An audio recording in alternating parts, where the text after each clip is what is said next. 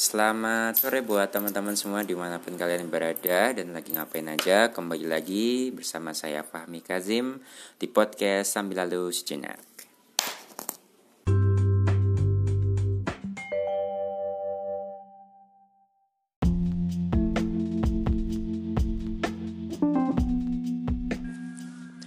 Oke, sebelum kita memasuki segmen yang ingin saya bahas, sebelumnya uh, kita turut berduka cita dulu ya buat kepergian salah satu maestro sastra di Indonesia yaitu Pak Sapardi Djoko Damono yang hari ini berpulang ke rahmatullah. Ya 2020 emang bener-bener kayaknya tahun paling mengerikan ya kita kehilangan banyak sekali seniman-seniman. Kita keba kehilangan banyak banget orang-orang yang penting buat hidup kita. Tapi apa pun itu kita harus tetap uh, apa namanya semangat. Karena hidup itu emang harus dijalani. Apa pun episodenya apa pun dramanya dia akan selalu ada gitu loh.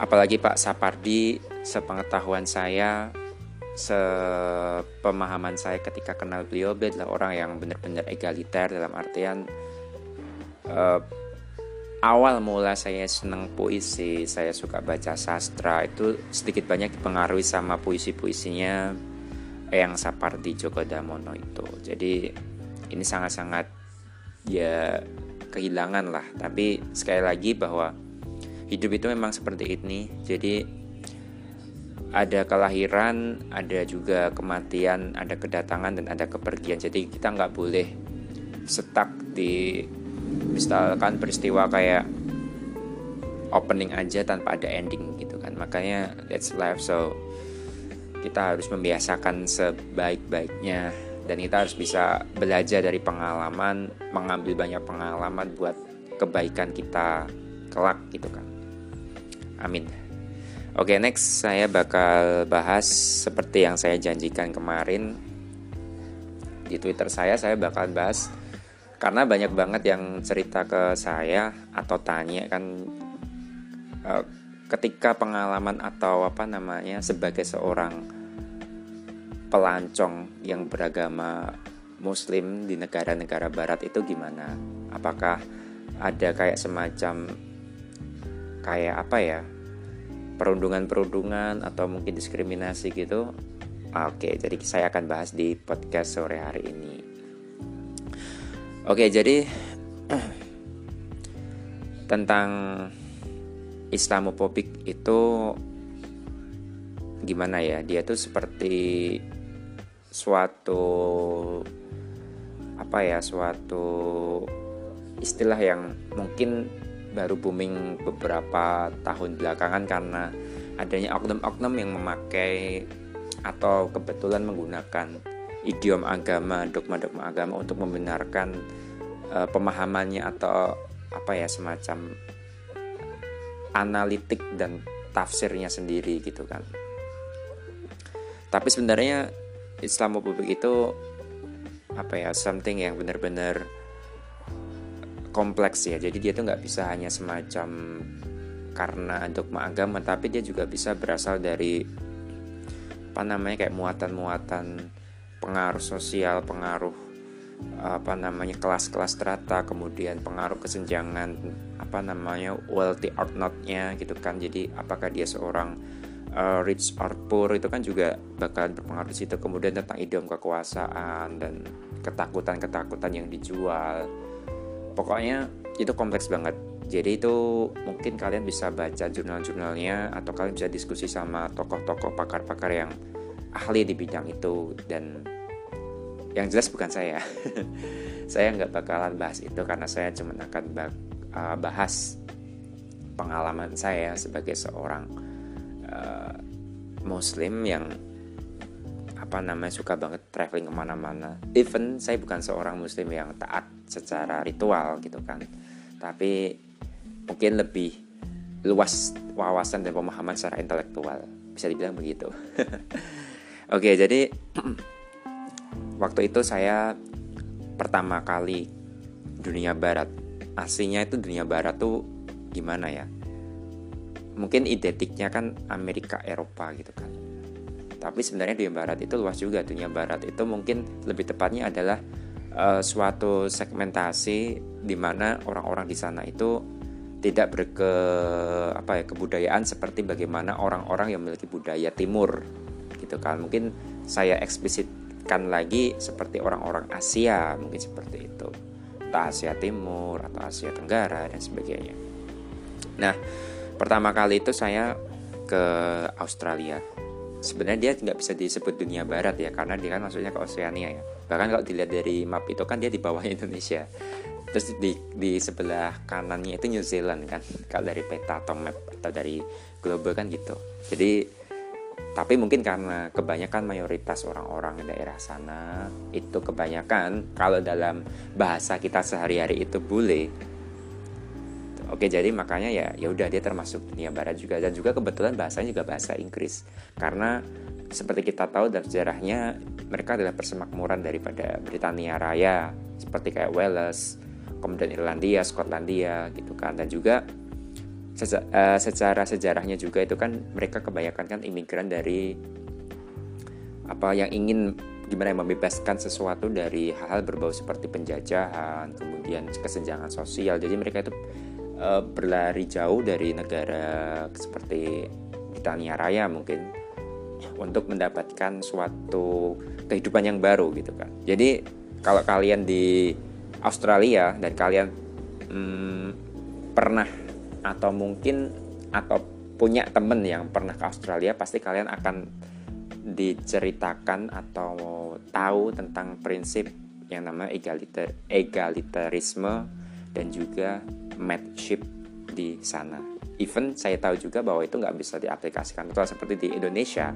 Itu kan gotong royong itu udah kayak mendarat daging kan, tapi kan eh, secara aplikasi, secara realitanya kan nggak seperti itu gitu kan. Gotong royong hanya hanya terjadi ketika ada maunya, ada perlunya, bahkan ketika ada kesenjangan atau isu-isu lingkungan, isu-isu yang melatar belakangi ling apa sosial di sekitar kita kadang-kadang kita jadi kehilangan rasa gotong royong rasa tenggang rasa. Nah kayak gitu kayak gitu sebenarnya sama aja. Jadi kayaknya sih kalau buat kalian yang bener-bener dari kecilnya itu mempraktekkan gotong royong semangat kayak gitu kalian ke Australia atau ke New Zealand basically itu kalian nggak akan kaget karena kebanyakan mereka juga seperti itu. Cuman mungkin dalam prakteknya mereka lebih ke depan lebih modern dalam artian oke jadi gini um, kalau saya dulu waktu cerita sama teman-teman saya uh, kita punya analogi yang begini ya kayak uh, buat memudahkan kalian gitu kan. Mungkin saya akan bahasnya itu nanti lebih kebanyakan di, di zona Australia New Zealand ya. Even nanti juga saya singgung ketika saya di Amerika gimana di beberapa negara Eropa gimana juga jadi kalau di Australia itu karena dia itu uh, kayak persemakmuran Inggris dari Britania Raya. Jadi kalau kita umpamakan itu Britania Raya itu kayak Jogja atau Solo. itu kata teman saya karena ya itu tadi ada banyak banget apa formalitas kan sama di Britania Raya itu kalian juga kayak gitu ada kelas sosial jadi di sana tuh kaya itu bukan karena penghasilan jadi karena keturunan gitu loh misalkan kalian punya rumah mewah kayak misalkan ini deh atlet-atlet sepak bola yang gajinya miliaran itu itu nggak di sana belum diakui sebagai orang kaya karena dia itu gimana ya kayak pendapatannya kan bukan karena historiografi gitu. Jadi dia uh, semacam ya masih ada feudalisme lah kayaknya gitu. Nah di di Inggris kan juga gitu makanya ketika Pangeran Charles gitu-gitu ada pernikahan apa besar-besaran dari kerajaan Inggris itu kan itu kan kenapa dia mendapatkan tempat istimewa dan dia pasti kaya. Nah itu juga awalnya kayak gitu. Bahkan saya waktu berkunjung ke London itu ada seorang anggota kerajaan Inggris juga. Di sini mungkin kayak raden-raden gitu kalau di keraton Jogja ya. Nah di sana tuh mereka juga punya rumah yang udah turun temurun lebih dari 100 tahun. Rumahnya gede, bagus dan masih ya mungkin ada modernisasi sedikit, cuman nggak banyak tapi lebih banyak apa kesan-kesan itu um, historiknya gitu ya. Jadi kayak vintage-nya tuh masih terasa banget di sana. Nah terus juga lahannya juga luas banget. Bahkan mobilnya juga. Itu masih mobil-mobil lama gitu kan masih mobil-mobil ya pokoknya mereknya emang merek terkenal zaman sekarang. Cuman ya dia keluaran lama gitu. Nah, itu di sana tuh masih disebut sebagai seorang kaya memiliki kasta tertinggi gitu kan. Padahal di London itu banyak banget orang-orang kaya yang dari pemain sepak bola dari artis gitu. Tapi mereka nggak disebut orang kaya mereka cuma disebut sebagai seorang pengusaha tapi kelasnya tetap di kelas menengah bukan kelas elit. Nah ini yang mendasari orang-orang yang lari ke Australia tuh ya kayak gitu. Dia pengen nggak nggak pengen deh kayak gitu. Jadi makanya kalau saya bilang Australia itu sama teman-teman saya itu kayak Surabaya. Persis plok. Jadi uh, secara budaya emang bisa dikatakan seragam ya Australia yang katanya itu memang persemakmuran dari keraton Britania Raya. Karena punya karakter khusus juga dan juga punya ciri khas yang sama. Di Singapura juga kayak gitu. Nah tapi kurang lebih mirip lah sama Surabaya yang punya karakter Jawa versinya sendiri. Misalkan belak-belakan cenderung lepas dari formalitas ala keraton. Di Australia itu kayak gitu. Jadi orang-orang makanya terkesan banget kali kalau kalau kalian ke Bali atau kalian di di mana pun kalian ketika nengok ada banget ada banyak banget turis-turis misalkan ya itu pakaiannya kayak santai banget. Dan dia cuma pakai celana mungkin celana pendek pakai sandal pakai ransel pakai kaos porot gitu kan atau shirtless atau atau mungkin pakai t-shirt dari kayak berbau-bau yang santai gitu kayak formal apa enggak non formal gitu kan. Itu barangkali bisa dipastikan dia dari Australia gitu. Loh karena orang Australia itu gini mungkin saya juga untuk jadi orang Australia bisa banget ya karena saya itu kan juga kalau masalah pakaian saya milih-milih banget. Saya nggak bisa pakai pakaian yang bahannya itu bikin gerah. Makanya saya tuh kalau baju itu bisa dihitung karena saya pilih kualitasnya dulu. Dia harus dingin harus nggak bikin gerah dan dia juga enak harus enak saya pakai gitu kan. Nah orang Australia juga sama. Makanya uh, outfit outfitnya orang sana itu mirip banget sama orang-orang kita yang tempatnya di pesisir pantai. Karena emang dasarnya juga uh, sana tuh gimana ya cuacanya tuh panasnya lebih panas daripada di sini. Gerahnya itu lebih gerah daripada di sini. Makanya ya ya wajar itu kan. Makanya orang Australia itu ya itu suka banget sama kulit tanned gitu loh. Jadi yang kulit agak gelap. Makanya saya tuh kalau di Australia itu kayak berasa jadi istimewa.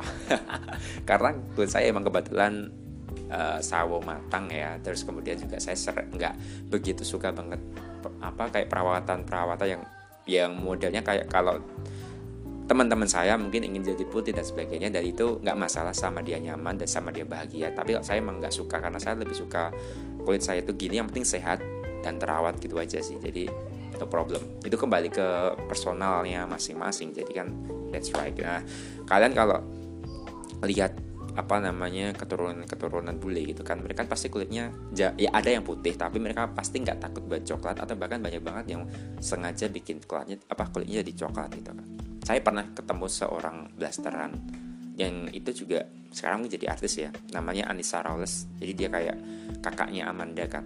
Dia juga suka banget dengan apa bangga banget dengan kulit coklatnya itu. Tapi emang kulitnya coklat tapi terawat jadi bukan karena coklat coklat yang karena apa panasan panasan juga emang dia panas panasan tapi dia terawat banget. Jadi kelihatan sehat. Coklatnya itu coklat bersinar gitu kan. Nah rata-rata orang Australia juga gitu.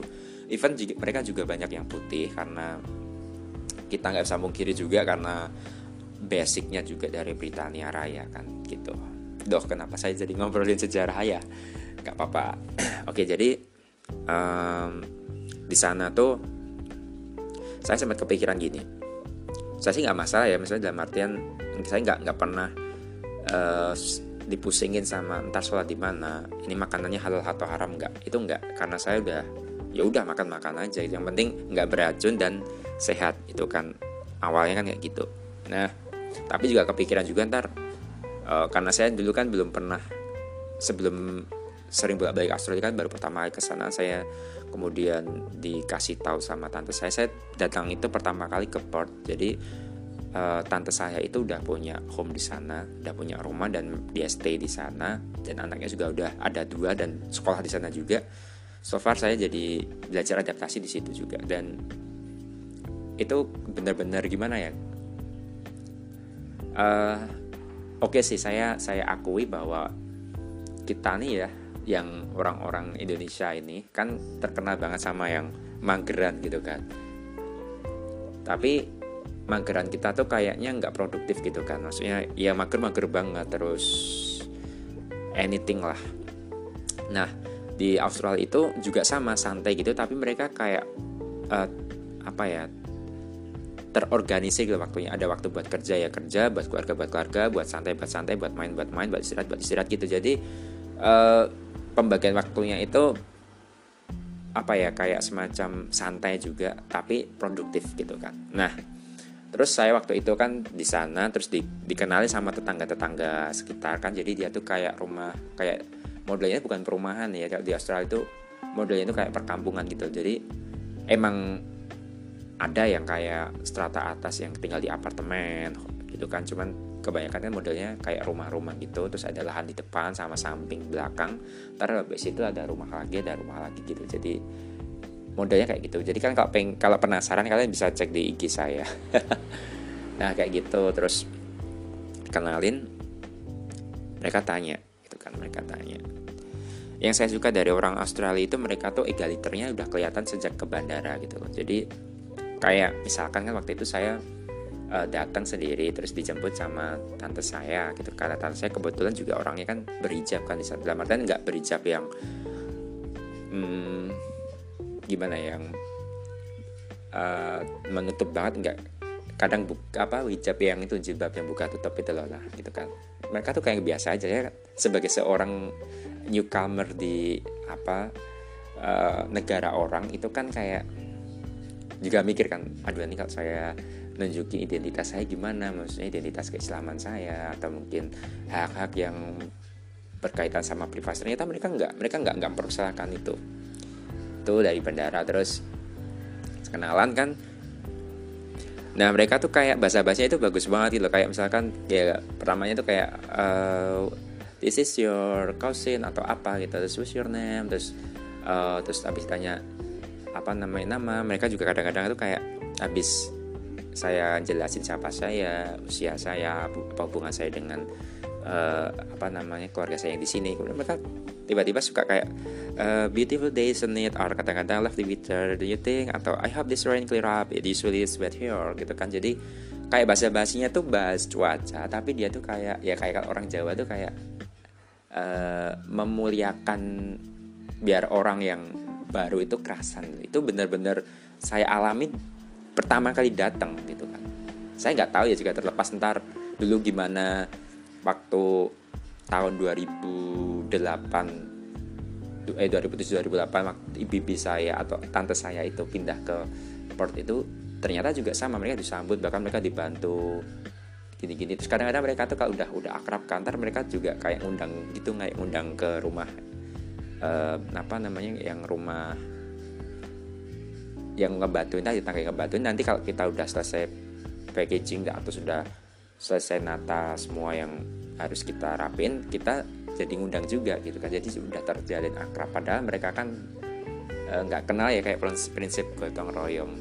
Ya kan tepos liro gitu kan mereka nggak tahu. Tapi ternyata udah dipraktekin gitu kan. Jadi ada, saya pikir ya that's good gitu kan nah kalau di sana tuh um, habis itu juga kadang saya kan uh, udah akrab gitu kayaknya sama tetangga situ kan. Karena saya sebulan di sana. Nah kemudian karena saya, saya tanya I'm sorry gitu kan. Saya, saya pengen tanya di mana saya bisa ngerjain sholat apa di sini ada masjid gitu kan. Terus kemudian mereka kayak bingung gitu. Oh kamu ingin beribadah atau gimana? Pokoknya bahasa Indonesia kayak gitu. Saya jawab iya tapi mereka jadi kayak oh sebenarnya tidak ada di sekitar sini cuman kalian bisa di rumah atau di mana. Dan kalau kalian memang kepepet ingin bikin adalah nanti kalian bisa konsultasikan dulu dengan uh, komunitas kalian gitu. Jadi kayak diberi itu diberi apa namanya uh, space gitu kan. Itu bikin saya kayak melted gitu loh kayak meleleh deh.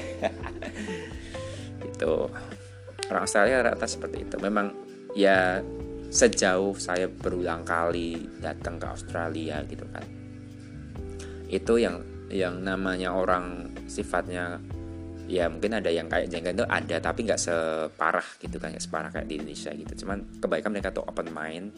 Terus yang bagus juga ketika mereka ngajak ngobrol itu mereka sangat banget menghindari hal-hal yang berbau topiknya itu kayak keuangan usia udah nikah atau anaknya berapa kemudian agama. Jadi ini benar-benar privacy gitu kan. Benar-benar privacy gitu. Jadi that's right. Terus kemudian makanya dari situ terus apa uh, saya balik lagi Indonesia terus ke, kemudian waktu itu orang tua dan keluarga sama adik-adik saya juga ikut untuk mencoba berliburan juga. Kita ke Melbourne kita ke Sydney gitu kan. Terus akhirnya senang cocok. Kemudian habis itu kita balik lagi dan terus sampai suatu suatu ketika tuh apa ada ada teman di sana bikin proyek di sana orang Indonesia juga cuma stay di sana terus kenal kenal gitu. Lah kadang-kadang saya disuruh apa namanya kayak mewakili gitu kan kayak mewakili meetingnya mewakili buat misalkan tender jobnya atau mungkin bidding investasinya gimana gimana atau mungkin ngatur apa gitu. So jadi semacam kayak udah rumah kedua Australia itu. Jadi it's okay. Makanya terus adik saya juga kepikir apa namanya udah punya aset ingin kuliah di situ dan akhirnya waktu dulu itu tes dan keterima ke Sydney dan sampai sekarang gitu kan. Jadi adik saya itu masuk sekitar tahun 2017 2018 mungkin. Mungkin uh, dua dua tiga tahun lagi insya Allah selesai. Kalau lancar jadi doanya juga di Sydney University ya.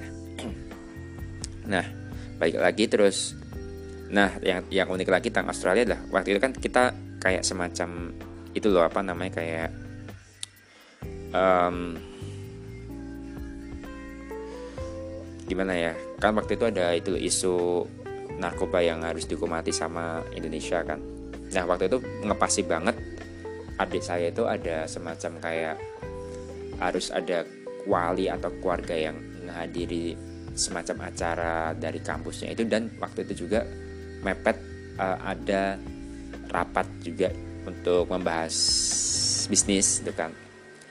Nah itu saya ketar ketir abah saya juga mikir dua kali kayaknya gimana ya gini gini gini kan. Tapi dia terus telepon sama tante saya tante saya oh nggak apa-apa gini gini gini. Pokoknya intinya kalian datang datang aja dan saya pastiin kalian terjamin apa gini gini gini gitu. ya saya sih ya oke okay, karena udah udah saya juga waktu itu memang belum ada kegiatan yang banyak dan saya akhirnya berangkat kan. Saya kalau ke Australia itu ke Bali jadi di Bandara Ngurah Rai itu karena lebih dekat daripada ke Jakarta daripada di Suta itu. Lebih dekat dari Ngurah Rai. Makanya um, sambil lalu lah istilahnya gitu kan. Nah di situ saya udah ketar ketir tuh waktu udah mau mendarat di bandara Sydney itu kan. Ditanyain kan sama uh, penjaganya gitu kan. Kayak yang itu lo ngecek ngecekin checking checking dokumen itu kan.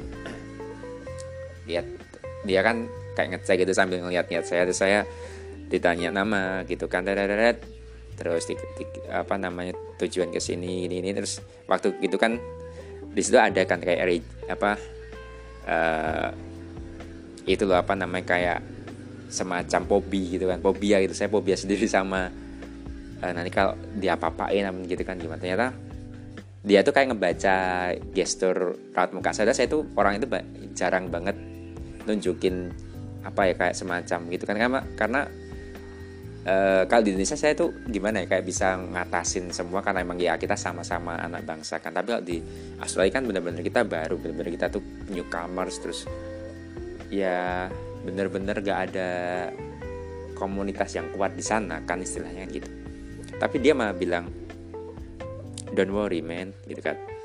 Saya kaget gitu kan don't worry that's not our business gitu kan. Terus dia bilang just be happy stay healthy and enjoy whatever you want. This is Australia. You have matched with me and another people in this country. Udah digituin saya langsung. Kayak seneng gitu dia terus nepuk pundak saya gini. Kayak kayak semacam relax man relax. Enjoy gitu. Ya udah ya, terus sepanjang per, apa sepanjang itu saya melakukan aktivitas gitu gitu kan sering kita ada orang tanya dari mana? gitu kan Indonesia gitu gitu terus mereka tuh sama sekali nggak kaget gitu gitu nggak bahkan nggak nggak nggak bahas topik itu gitu kan. Jadi memang benar-benar saya rasa profesionalismenya itu memang bagus. Itu bisa kita contoh. Jadi kita ketika berbau politik itu kan kadang kita gini. Misalkan ya uh, um, semacam kayak Amerika membombardir di negara suatu negara Arab gitu kan. Kita langsung benci sama semua berbau Amerika kan. Padahal kan saya cerita juga pengalamannya di sana tuh banyak banget nggak sedikit lah istilahnya nggak sedikit orang yang ngebela kaum muslim juga. Dan juga juga di sana juga banyak banget yang istilahnya itu nggak suka dan setuju dengan uh, apa namanya hubung apa keputusan-keputusan politik atau internasional negara mereka sendiri gitu kan. Jadi kan nggak bisa uh, apa namanya yang sering banget saya jelasin berulang kali kan nggak bisa menggeneralisir hal itu. Apa pun itu jangan pernah digeneralisir karena nggak semua orang seperti itu nggak semua orang sependapat seperti itu. Jadi it's apa ya kayak bukan not our basis bener banget gitu kan jadi kayak politik dan sebagainya atau apa tuh bukan bukan alasan kalian membenci negara itu itu kalian harus benci orang yang yang mungkin menjadi dalangnya itu tapi kalian nggak boleh membenci seluruh orang yang ada di negara itu gitu kan. Sama gitu. Dan sering kok saya juga pernah kan waktu itu namanya Rose. Rose itu cowok ya namanya Rose. Jadi dia tuh kayak tetangga saya udah akrab banget waktu di Perth itu kan. Itu kan tetangga tetangga tante saya juga. Kita cerita saking akrab. Saya, saya sering banget uh, apa namanya kayak mancing topik gitu kan. Misalkan uh, pernah nggak ada kejadian Islamofobik di sini gitu kan. Dia bilang tentu saja ada cuman kita selalu selalu saya Indonesia kan aja ya. Karena nanti tidak terjadi apa namanya kayak ngabisin waktu. Dia bilang tentu saja ada cuman itu nggak seperti yang kamu pikirkan. Dalam artian um, dulu tuh sempat ada orang yang menga, apa memakai baju abaya katanya yang kayak bajunya serba hitam terus itu pakai niqab sebagai gitu kan. Dan itu sempat orang-orang tuh juga kayak gimana gitu cuman mereka selalu mengatakan uh, orang itu datang ke sini karena ingin sesuatu yang baru. Mungkin dia adalah seorang yang imigran juga kayak seperti leluhur-leluhur mereka dan selama mereka tidak mengganggu dan ini semangat humanismenya ada saya akan mentoleransi mereka dan saya akan membela mereka selama apa namanya mereka melakukan hal yang baik dan uh, hak-haknya tidak dirampas oleh orang lain yang di sekitar sini gitu. Jadi makanya terkenal yang namanya mateship gitu. Australia itu terkenal sama namanya mateship. Kalau di New Zealand itu orang-orang Kiwi nah, makanya dia makan Kiwi gitu kan. Kiwi berarti orang-orang New Zealand itu juga sama kayak Australia. Mereka memegang prinsip egalitarisme. Jadi semua itu sama. Bahkan daripada di Eropa atau di Amerika kalau di Australia atau di New Zealand itu saya sering banget banget banget. Bahkan adik saya sendiri ini yang kayak saya sebenarnya kayak ini nggak kurang ajar apa? Jadi sama dosennya dia manggil nama. Dia nggak manggil profesor dia nggak manggil sir gitu nggak. Nama karena apa? Dosennya sendiri juga mengajarkan dia nggak mau dipanggil dengan sebutan-sebutan gelar seperti itu di Australia hal kayak gitu tabu. Nah beda sama kayak kita di sini kan kita misalkan keturunan uh, keraton misalkan ada gelarnya kanjeng raden dan sebagainya atau gelar di pesantren misalkan al alam arif billah uh, asyid atau asyih gitu kan. Nah itu di Australia nggak boleh kayak gitu. Dalam artian bukannya nggak boleh tapi tabu. Beda dengan sini. Makanya ketika itu juga ada anak tetangga saya itu manggil nama ayahnya itu nggak daddy atau dad itu enggak tapi nama nama namanya namanya kan Mark Rawson gitu kan. Jadi Mark help me Mark. gitu gue bilang dalam hati itu anjir anjir. Ini kalau di Jawa udah ditampar tuh mulut anak nih apa ya itu tadi. Nah terus kemudian itu uh, Australia dan New Zealand kira-kira kayak gitu. Sama persis jadi kalian makanya saya selalu selalu punya ide atau cita-cita kalau misalkan di Indonesia kelak gitu kan.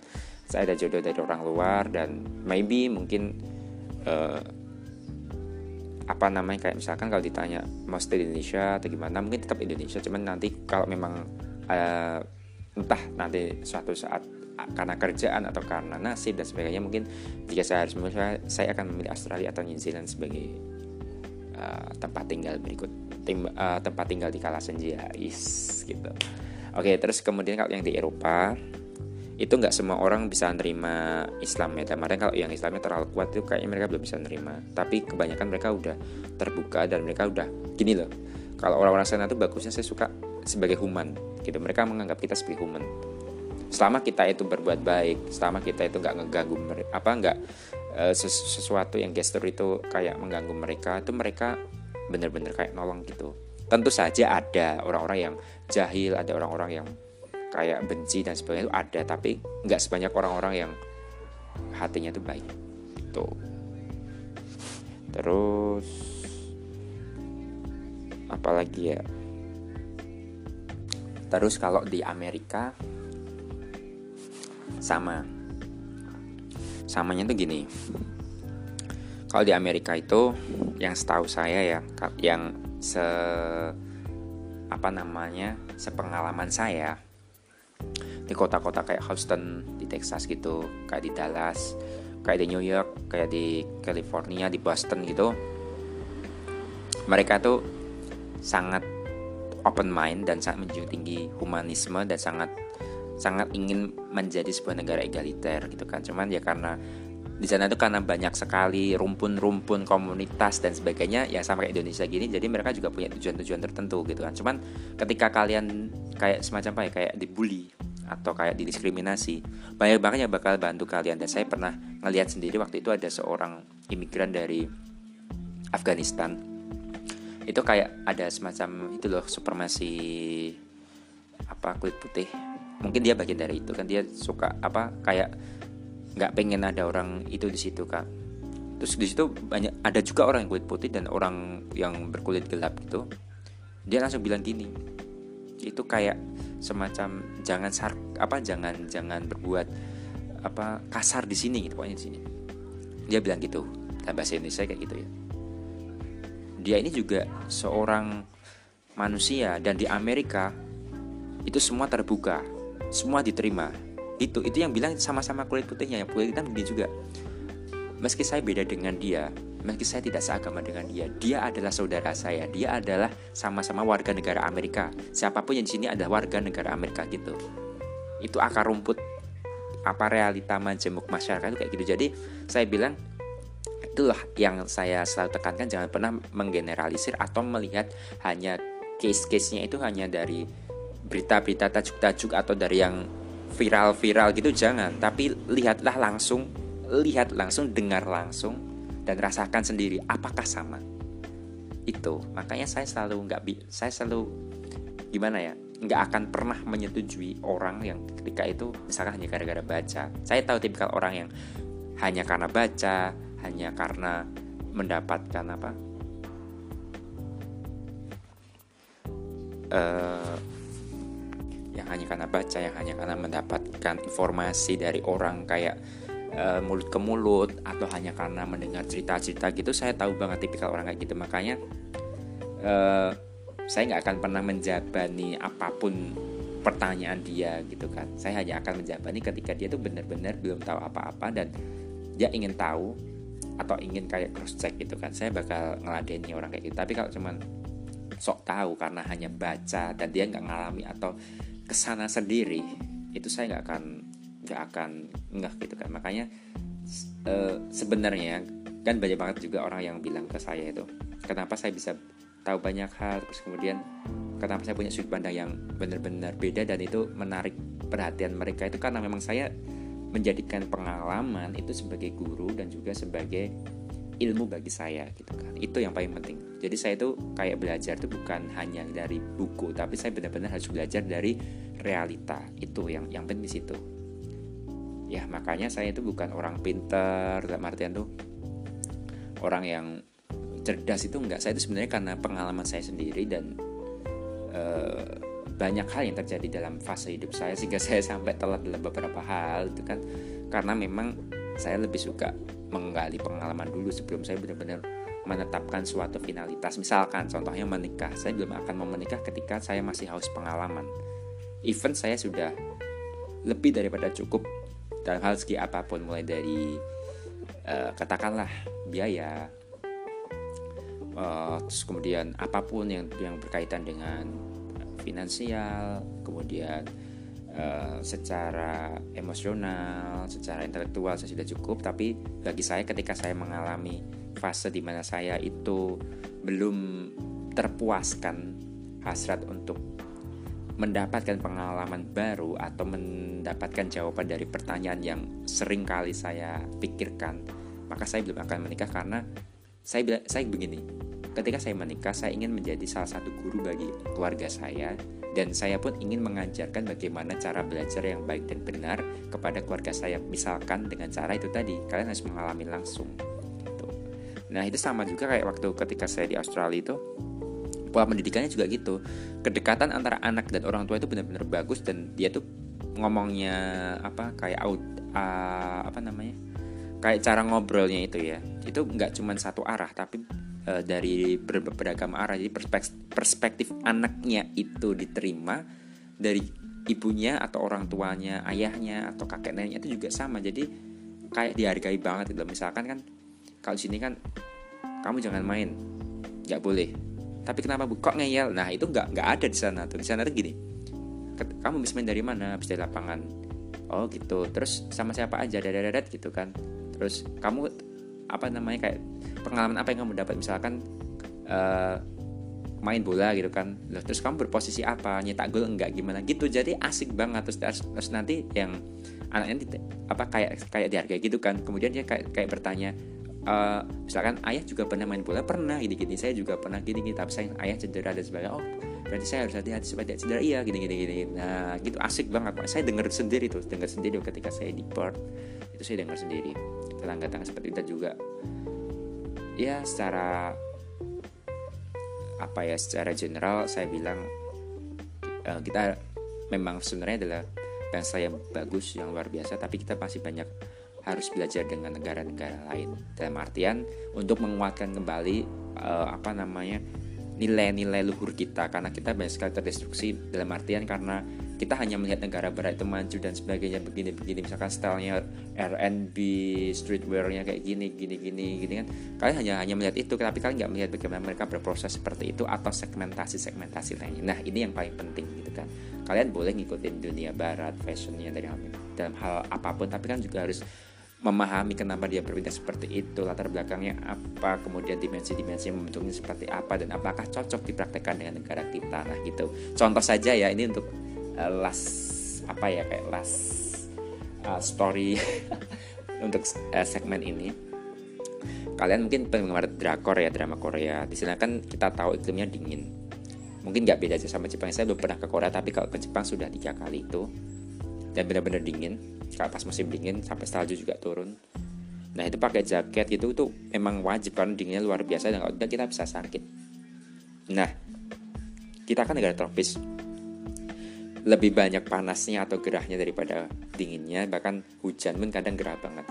Kenapa kita nggak mencontoh negara-negara yang kayak di ini yang mengalami musim tropis juga kayak di Australia dan New Zealand juga gitu. Mereka pakai pakaian yang bikin gak keren sebagainya gitu loh. Jadi ini kayak empan papan empan mapannya gitu kan di situ.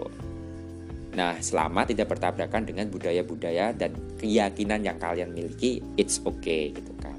Tapi kalau kalian misalkan tapi dalam agama saya dalam keyakinan saya uh, itu tabu gak cuma pakai apa wanita kuat nggak pakai uh, celana eh celana panjang atau nggak pakai baju lengan panjang. It's okay silahkan gitu kan. Gak ada masalah. Cuman ketika kalian keluar terus kalian bergaya misalkan pakai pakaian yang menghangatkan sekali yang sampai untuk menahan mus apa salju. Nah tapi kalian malah merasakan panas kan pakai celana pakai jaket kayak gitu kan nggak bagus nggak baik juga ya kan? Kalian nggak nggak pas menerapkannya gitu nah itu yang harus kita benahi. Uh, oke segini aja dulu ya karena nanti habis ini saya masih ada acara is acara. Ini dikit saya lagi di uh, Badung di daerah Bali. Kemarin ke sini juga harus swab dulu jadi saya jauh-jauh hari udah swab test dulu. Kemudian juga nyetain rapidnya juga sebelum ke bandara dan udah face alhamdulillah negatif semua jadi saya bisa ke situ dan uh, secara keseluruhan juga uh, apa namanya masih banyak turis-turis yang belum datang ke sini atau meramaikan hampir kota-kota besar atau spot-spot ramainya di Bali. Oke segitu aja uh, podcast buat hari ini di segmen ngobrol tentang sudut pandang sebagai seorang penjelajah atau traveling kids. Jadi apabila ini menambah manfaat buat kalian, ya saya bersyukur. dan apabila tidak memang ya maafkan juga karena ini bukan podcast edukasi jadi ini cuma podcast berbagi pengalaman dan perspektif dari diri saya aja dan mungkin mudah-mudahan nanti juga ada yang saya ajak ngobrol sebenarnya ada ini tempat saya perempuan tapi dia nggak mau podcastan dulu karena uh, dia belum tahu benar tentang budaya sendiri. Dia blasteran soalnya. Dia blasteran orang Australia dan orang Bali. Jadi takutnya nanti malah menyinggung katanya. Oke jadi segitu aja dulu podcast untuk hari ini. Jangan lupa untuk tetap jaga kebersihan jaga kesehatan dan sebisa mungkin kalau tidak penting jauhi hal-hal yang berbau kontak fisik dan tetap pakai masker oke saya Fahmi Kazim mohon undur diri dan terima kasih telah menikmati podcast sambil lalu sore ini Mudah-mudahan bermanfaat. Terima kasih dan matur nuwun. Serius kamu nggak pengen nutup ini podcastnya? Dah, terima kasih. Bye.